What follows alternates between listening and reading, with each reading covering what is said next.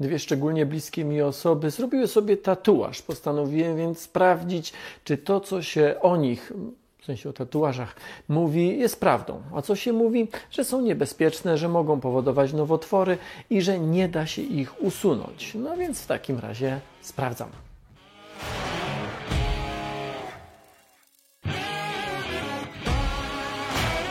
Jest sporo badań, które pokazują, dlaczego ludzie robią sobie tatuaże. Nie chcę za bardzo wchodzić w ten społeczny czy socjologiczny wątek. Powiem tylko, że te motywacje z czasem się zmieniają. Tak jak kiedyś trwałe ozdabianie skóry było raczej domeną przestępców albo konkretnych zawodów, na przykład marynarzy, tak teraz jest powszechne.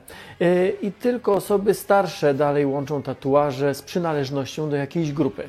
Statystycznie częściej tatuują się mężczyźni, statystycznie osoby z tatuażami częściej podejmują ryzykowne zachowania seksualne, ale nie dlatego, że tatuaże powodują jakieś zmiany w ich zachowaniu, tylko dlatego, że ktoś, kto się tatuuje, statystycznie jest skłonny do większego ryzyka.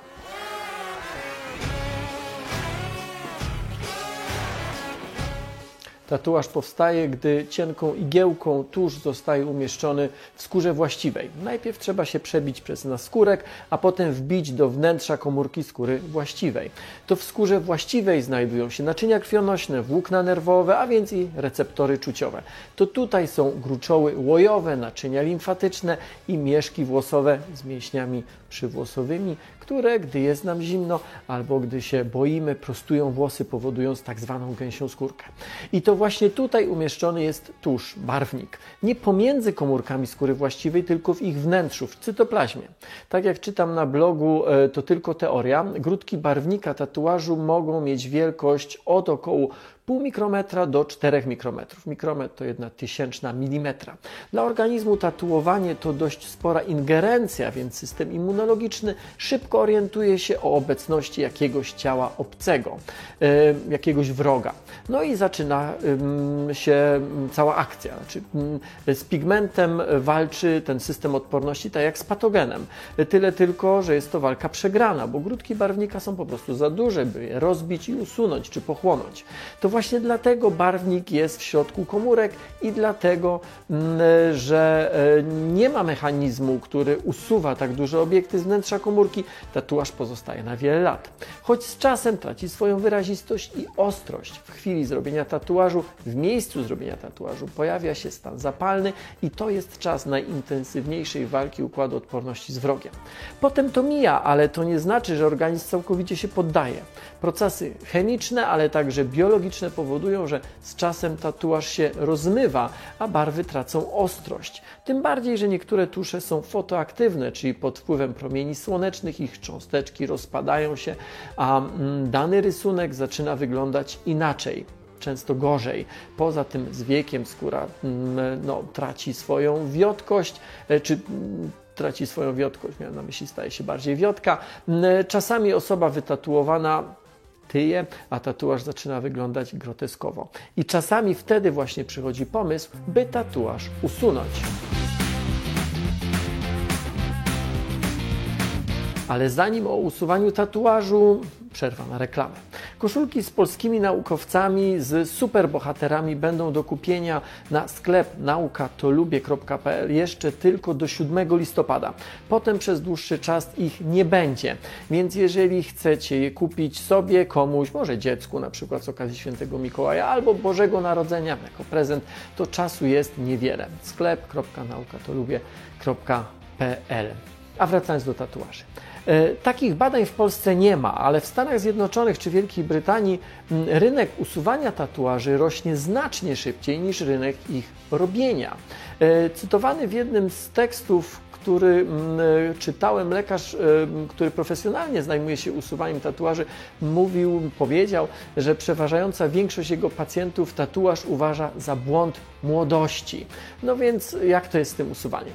Usuwanie tatuaży jest pewnie tak samo stare jak ich robienie, ale do niedawna było raczej makabryczne, bo jedynym sposobem czy jedynym wyjściem było po prostu fizyczne usunięcie skóry w miejscu, w którym był tatuaż. Tatuaż znikał, ale pozostawała blizna tym większa i większy był tatuaż.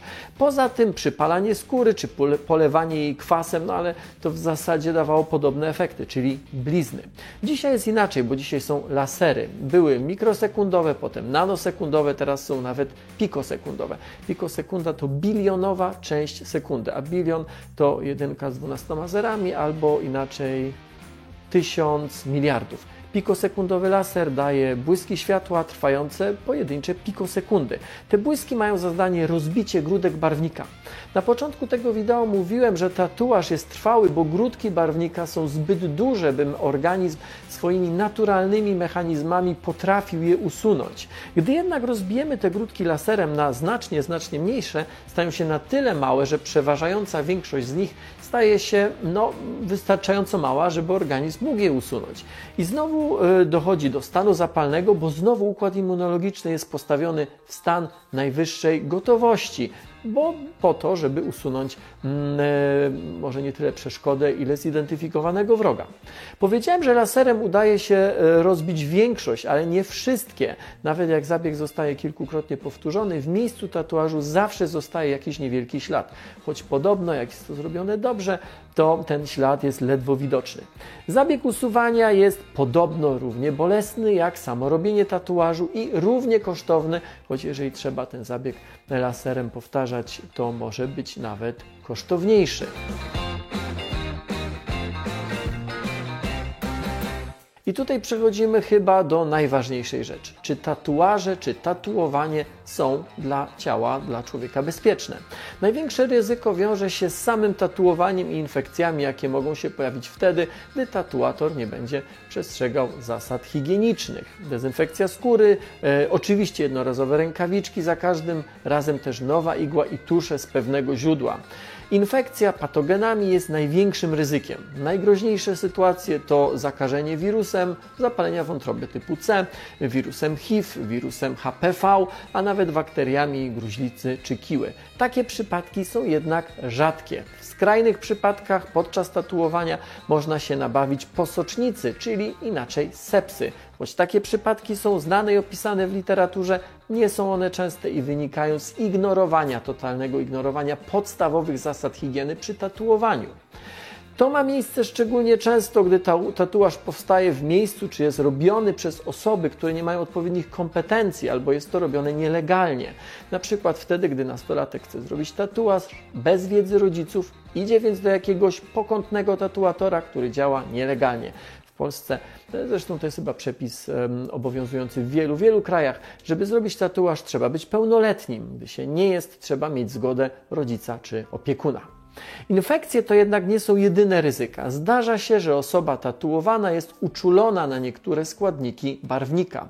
Uczulenia, długotrwałe zaczerwienienie, stany zapalne. Tutaj reakcja zależy od składu barwnika. E, w profesjonalnych zakładach ryzyko e, jest niewielkie, bo barwnik złej jakości pojawia się bardzo rzadko. Więc znowu warto, jeżeli już, warto iść do porządnego tatuatora. Dużym tematem jest temat tatuaży i nowotworów. Czy tatuowanie zwiększa ryzyko wystąpienia nowotworu skóry? Nie ma na to twardych, przekonujących dowodów. W 2012 roku w The Lancet Oncology ukazał się, ukazała się jaka zbiorcza praca na ten temat. Zresztą wszystkie linki do badań, na których oparłem ten materiał, znajdziecie jak zawsze w opisie. Ukazała się praca, która opisywała kilkadziesiąt przypadków pojawienia się nowotworów skóry w wyniku tatuowania, ale sami autorzy tego zestawienia pisali, że to za mało, by wyciągać z tych przypadków jakieś twarde wnioski. W 2016 roku w Clinical Review in Allergy and Immunology napisano w zasadzie dokładnie to samo, że nie sposób znaleźć jednoznaczny link pomiędzy tatuowaniem a nowotworami. Nie ma dowodów na związek przyczynowo-skutkowy pomiędzy tatuażami a czerniakiem. E, totalnie niezbadanym tematem jest to, czy i w jaki sposób na ryzyko nowotworu wpływają mikrocząstki barwników, które przedostają się do krwiobiegu i zostają odłożone np. w śledzionie czy w wątrobie. Kolorowe barwniki mogą zawierać też metale, rtęć, barwnik czerwony czy kobalt, barwnik niebieski. W niektórych barwnikach znajdują się także arsen, kadm, ołów czy beryl. Znane jest kancerogenne działanie tych pierwiastków, ale nie jest zbadane, czy w ilościach, w jakich są one odkładane, są dla człowieka groźne i w jakiej perspektywie czasowej mogą powodować negatywne skutki. Tutaj odnoszę się szczególnie do badań profesora Desmonda Toblina z Bradford University. Choć na rynku są obecnie barwniki, e, które nie zawierają substancji rakotwórczych, niewiele salonów tatuażu zwraca na to uwagę. Wydaje się, że znacznie większe ryzyko wiąże się z kolorowymi barwnikami. Choć z drugiej strony kilka lat temu w Stanach Zjednoczonych przeprowadzono badania, z których wynikało, że niektóre czarne atramenty zawierają benzopiren, a o nim z kolei słyszymy w kontekście smogu. Nieznane są też konsekwencje zdrowotne usuwania laserowego tatuaży. Jak wspomniałem, polega ono na rozbiciu grudek barwnika, ale ten barwnik nie znika, tylko jest usuwany przez organizm, a to znaczy, że może być kumulowany czy odkładany w różnych jego organach, także w kościach. Nie ma danych naukowych, które mówiłyby, czy to ma wpływ i jaki wpływ na zdrowie. Tatuowanie nie jest obojętne dla zdrowia, podnosi ryzyko zachorowań, ale to ryzyko jest bardzo małe, o ile tatuator przestrzega zasad higieny. Brak wiarygodnych danych powoduje, że nie sposób jasno odpowiedzieć na pytanie, czy tatuaże powodują czy zwiększają ryzyko wystąpienia nowotworu. Choć tutaj wydaje się, że bardziej niebezpieczne są tusze kolorowe. O motywach i o gustach nie chcę tutaj dyskutować, więc na tym ten temat zakończę. Przy okazji zapraszam Was bardzo do odwiedzenia strony naukatolubie.pl. W tym odcinku zacytowałem też informacje, jakie znalazłem na blogu To Tylko Teoria. Autor tego bloga, Łukasz Sakowski, wydał niedawno książkę. Info na ten temat znajdziecie w opisie do tego filmu.